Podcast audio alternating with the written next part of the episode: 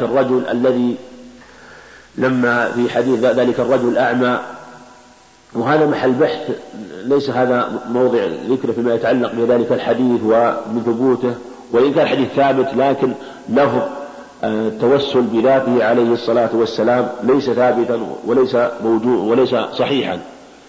فإن هذا لا يجوز لكن الإقسام على الله الإقسام على الله بذاته أشد وأعظم أشد وأعظم. لأن الإقسام فيه قطع وجزم وحجر على الله وكأنه إلزام. أما السائل بالذات فإنه متضرع ويطلب الله سبحانه وتعالى ويستكين ويسأله سبحانه وتعالى قد تقضى حاجته وقد لا تقضى حاجته وهو يظن ذلك. لكن نقول إن إن إن الدعاء والعبادة أمور توقيفية لا تجوز إلا بالنصوص والأدلة في في سؤاله ودعائه سبحانه وتعالى فمثل هذا الدعاء دعاء مبتدع ولا يجوز كما هو قول جمهور العلماء والله أعلم.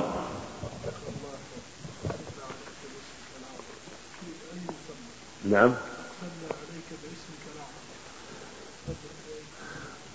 لا هذا هذا وكذلك أقسمنا عليك. المشروع أن تقسم به سبحانه وتعالى ما تقسم عليه بأي شيء. أن تقسم به سبحانه وتعالى. هذا تركيب لا, لا يصلح ولا يحسن. تقول أقسمنا عليك باسمك الأعظم فالمشروع هو سؤال الله باسمه لا الإقسام على الله. ولأجل هذا من سأل به أعطي ومن دعا ومن دعا به أجاب. هذا هو المشروع. أما الإقسام على الله به فلا. بل لا يجوز الإقسام على الله بأي شيء. نعم.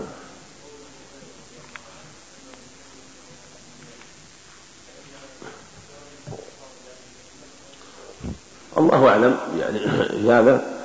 لكن كأنه الله أعلم يعني أنه لما أنه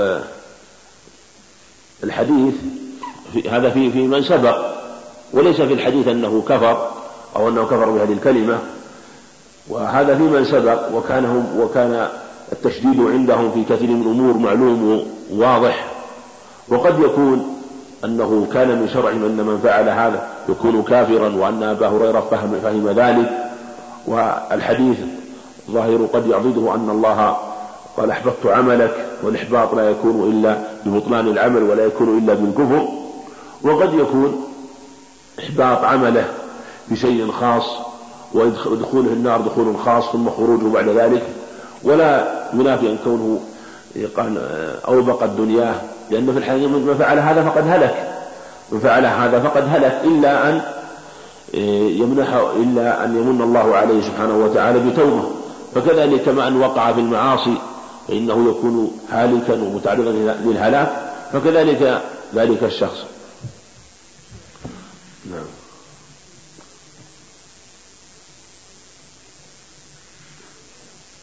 إيه نعم هذا حديث أبي سعيد الخدري رواه ابن ماجه والحديث ضعيف من طريق فضيل المرزوق عن عطية العوفي.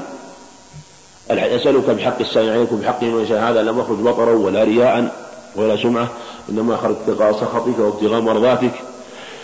الحديث إلا شيء وسبعون ألف ملك. فالحديث لا يصح, لا يصح. ولو صح فهو في الحقيقة سؤال سؤال الله بالأعمال الصالحة. ليس سؤال الله ليس هو ليس فيه سؤال, سؤال الله بذوات الصالحين. أسألك بحق السائلين حق السائلين الإجابة وحق الماشين الإثابة. فهو سؤال لله سبحانه وتعالى بالأعمال الصالحة. هذا هو تأويله. فأسألك بحق السائلين عليه. السائل حقه الإجابة. وبحق الممساي هذا. والماشي حقه الإثابة. وهو يسأل الله سبحانه وتعالى بالأعمال الصالحة. فهو من جنس حديث ابن عمر في الصحيحين الثلاثة الذين سألوا الله سبحانه وتعالى بأعمالهم الصالحة. ذاك سأل الله ببره لوالديه والثاني سأل الله بعفته عن الحرام والثالث سأل الله سبحانه وتعالى برده الأمانة في ذلك الأجير الذي استأجره فسألوا الله سبحانه وتعالى بأعمال صالحة. فهذا من جنس هذا إذا وسؤال الله بالأعمال الصالحة أمر مطلوب ومشروع.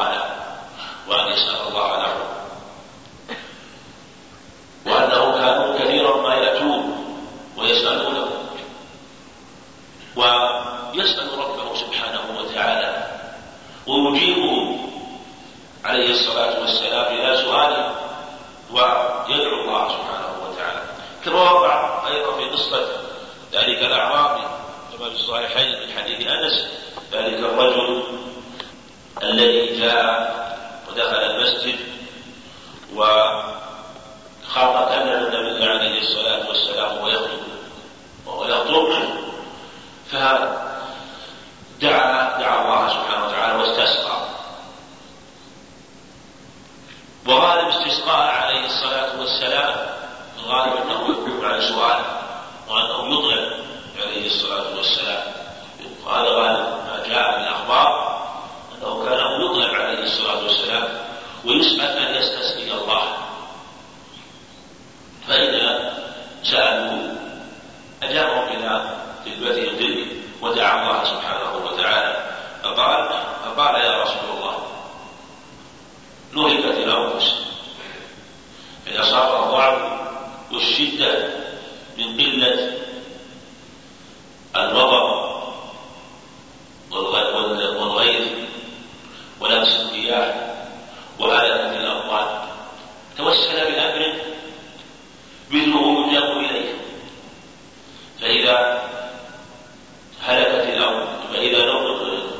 التلوث أصاب الشدة والضعف وهلكت الأموال كانوا في حال شديدة فيكونون يكون الاستسقاء بحقهم أو طلب السقيا بحقهم أمرا مستحبا وأمرا مطلوبا. فاستسقي لنا ربك. يعني اسأله سبحانه وتعالى أن يسقينا وأن ينزل علينا غيثا. فإنا نستشفع بالله عليك. نستشفع بالله عليك يعني ندعو الله جميعا إليك ويشفع إليك.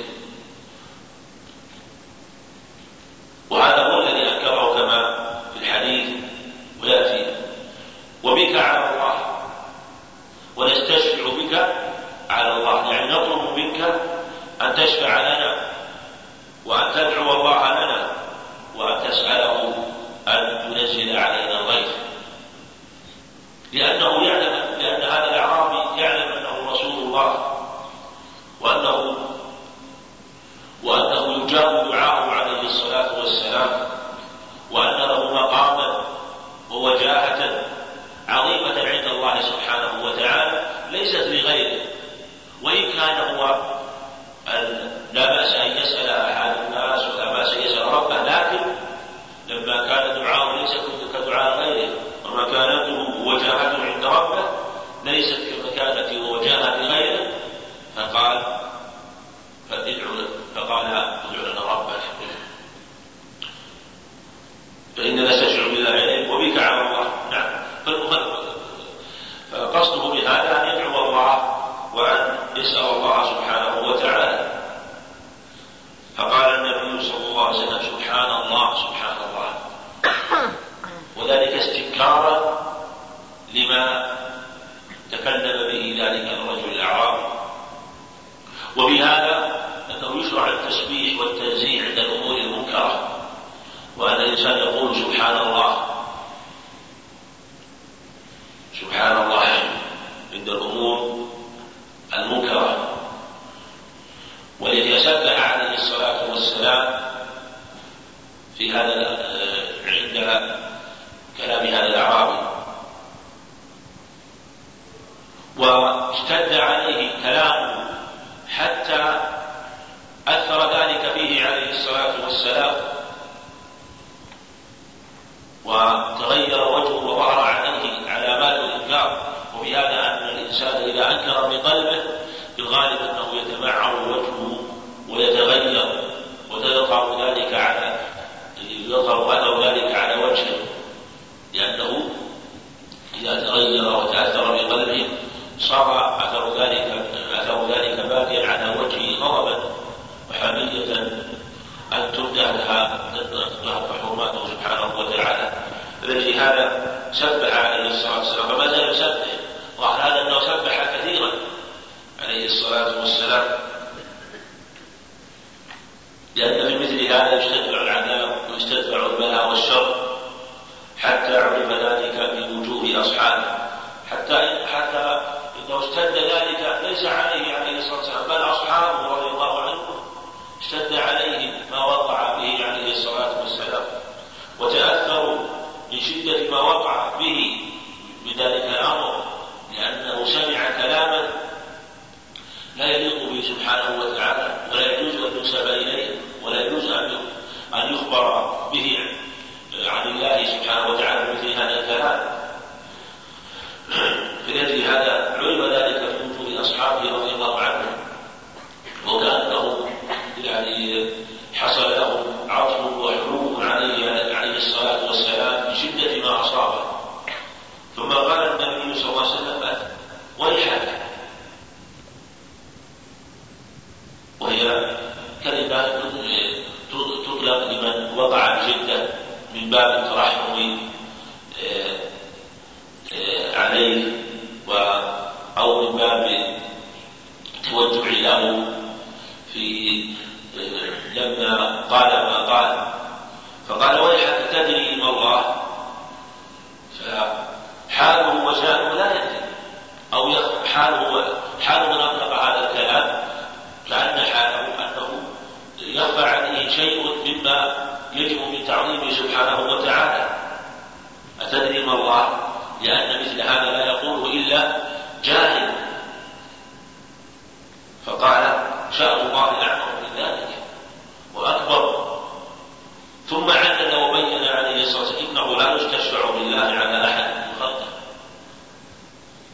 إنه لا يستشفع بالله على أحد من خلقه بل هو الذي يشفع إليه سبحانه وتعالى الخلائق هو الذي يسأله الخلائق يوم القيامة. بل في ذلك بل الرسل في ذلك المقام إذا سئل منه إذا سئل طلبت منهم الشفاعة إذا طلبت منهم الشفاعة يقولون اللهم سل يقولون نفسي نفسي. كلهم يقول نفسي نفسي. في ذلك المقام لا يجرؤ على أن يشفع حتى تأتي إلى النبي عليه الصلاة والسلام. ودعاء ذلك المقام. اللهم سلم سلم. شدة الأمر. حتى تأتي إلى النبي عليه الصلاة والسلام فيقول أنا لا ثم يشفع عليه الصلاة والسلام. فشاء الله أعظم مثل هذا لا يجوز أن يطلب منه سبحانه وتعالى لأن الشافع الذي يشفع في الغالب أنه يشفع إلى من الله والله سبحانه يشفع إليه الخلائق وهو الذي بيده كل شيء وهو الذي بيده الأمر والنهي ولا ولا يطاع أحد إلا أن تكون طاعته موافقة لطاعة الله سبحانه وتعالى. فكل شيء وكل تدبير لا يكون إلا بأمره سبحانه وتعالى. فأنكر ذلك عليه الصلاة والسلام وشدد الأمر وبين مثل هذا لا يجوز ولا يليق. وفيها وفي قوله عليه الصلاة والسلام فإنا نستشفع بالله عليك فإنا نستشفع بالله عليك وبك على الله. أنكر عليه عليه الصلاة والسلام نستشفع بالله عليك. فدل على أن التوسل والشفاعة في عرف الصحابة وأن المراد بها الدعاء. وليس المراد به التوسل بالذات.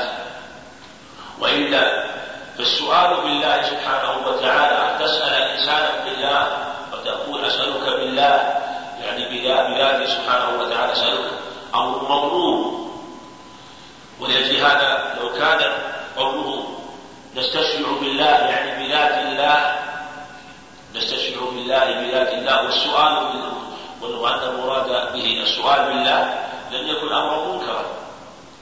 لأن الإنسان يسأل غيره بالله يقول أسألك بالله ويحلف بالله ويحلف على غيره بالله.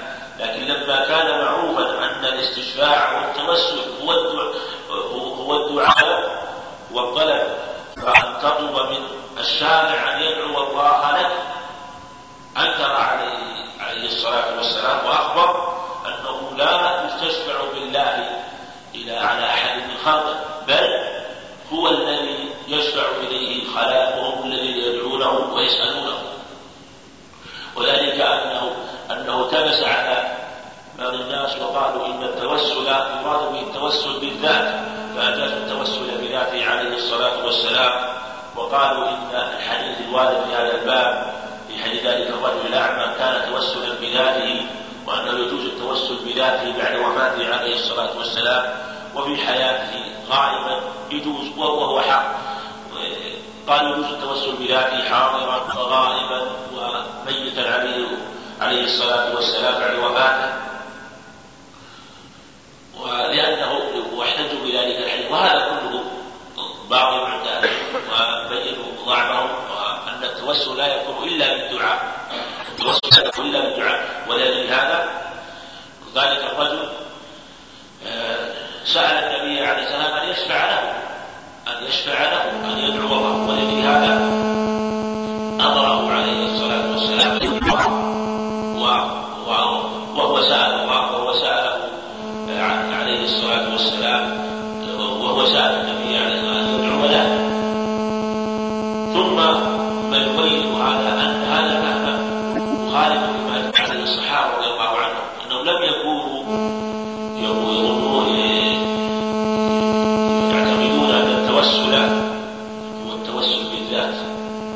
فالتوسل هو الدعاء هو دعاء المتوسل به. ودعاء المتوسل به. وإلا لو كان التوسل هو التوسل بالذات لكانوا يتوسلون به بذاته في حياته عليه الصلاة والسلام. ولا ولا وقع وقائع كثيرة ما الذي يمنع أن يتوسل في عامة الناس كل يتوسل به ويسأل ويسأل ويسأل الله عن النبي عليه الصلاة والسلام. وبعد وفاته يسألون الله بذات النبي ولما لما أنه لم يقع. دل على أنه لا يكون التوسل إلا بشفاعته ودعائه عليه الصلاة والسلام. فإذا لم تقع. قصة عن الصحابة وعن كبار الصحابة. أنه كان يتوسل بذاته وأنهم كانوا يسألونه أن يسألون بذاته أن ينزل الله عليهم غيره ويجزي أو يكشف عنهم الكروب ووقع في صحيح البخاري أنه أن عمر الخطاب توسل بالعباس. ثم قال اللهم إنا كنا نتوسل إليك بنبينا. وإن توسل فتسقينا وإنا نتوسل إليك بعم نبينا فأسقنا توسل يعني ثم قال يعني فلو كان التوسل بذات لكان التوسل بذات النبي عليه الصلاة والسلام أولى وأفضل وأكمل من التوسل بالعباس. بل لكان التوسل بذوات غير العباس فهو أفضل أولى وأكمل ولأجل هذا لم يقصدوا قبره ولم يتوسلوا بذاته عليه الصلاة والسلام. ومعاوية توسل بيزيد بن أسود ثم قال ادعوا الله. فدل على أنه يشرع التوسل بدعاء الصالحين والأخيار وأن يدعو الله يدعو الله سبحانه وتعالى. فمثل التوسل بذاته هذا أمر آه، مبتدع ولا يجوز عند جماهير أهل العلم لأنه غير مشروع ومخالف لهدي عليه الصلاة والسلام ولهدي أصحابه رضي الله عنهم وهذا الحديث رواه له كما ذكر مسلم رحمه الله وقد اختلف العلماء فيه منهم من صحه ومنهم من ضعفه والحديث من طريق ابن إسحاق ابن إسحاق ولم يصرح بالسماع وفيه جبير بن محمد بن جبير المطعم و وفي وطريق أيضا يعقوب بن عتبة بن أخنس يعقوب بن عتبة بن أخنس. وابن القيم رحمه الله ذكر أن من اعله ذكر في تهذيب السنن أن تعليله يدور على ثلاث يعني مع حاصل كلامه أن تعليله يدور على الامر الأول الكلام في محمد بن إسحاق وفي جبير بن محمد هذا مجهول الحال يوثق له ابن حبان وكذلك الاضطراب في روايته عند الثلاثة الاضطراب في روايته منهم من جمع جبير بن محمد ويعقوب بن عتبة ومنهم من قال عن جبير عن يعقوب. وكذلك معه تكلم في يعقوب. والحديث والحديث بهذا السند ضعيف بهذا السند لكن ليس فيه جملة إلا وهي ثابتة بالأخبار الصحيحة والحمد لله. وإلا هذه الجملة يعني بمجموعها بهذا الحديث ضعيف إسحاق مدلس ولم يصرح وجبير محمد هذا مجهول. وما جاء في الأخبار ما جاء فيه من المعنى فقد أجمع عليه السنة والحمد لله. لا إشكال فيه. وقد تواترت بذلك الأدلة والعلامة الطيب رحمه الله رأيت كلامه في تهذيب السنن وقد أجنب وأجنب على هذا الحديث رحمه الله واجتهد في تقويته وتصحيحه بتقوية محمد بن إسحاق وذكر من وثق وأثنى عليه ورد كلام من تكلم به رحمه الله. وكأنه جعله صحيحا بمفرده غير ابن إسحاق. وهذا قد يكون أمرا مستغرب منه رحمه الله. فالمسألة التي دل عليها الحديث والتي جاء بها الحديث أو المعاني جاء بها أمر عليه العلماء؟ ولا وأهل السنة ليسوا بحاجة هذا الحديث. عندهم الأدلة والنصوص الكثيرة في علو الله سبحانه وتعالى الشيء الكثير. وتواترت بذلك والنصوص في الكتاب كثيرة وتواترت بذلك النصوص من السنة متواترة جدا. وإلا فلو قيل مثلا فلو أن من يعني اجتهد مثلا في في تقويته أراد به أنه يعني لم يرد تصحيحه مفردا وأنه يكون حسنا لغيره بشواهده هذا لا بأس به وإلا فالعدل والإنصاف العدل والإنصاف إذا كان في محمد إسحاق الذي جاء مثلا في مسائل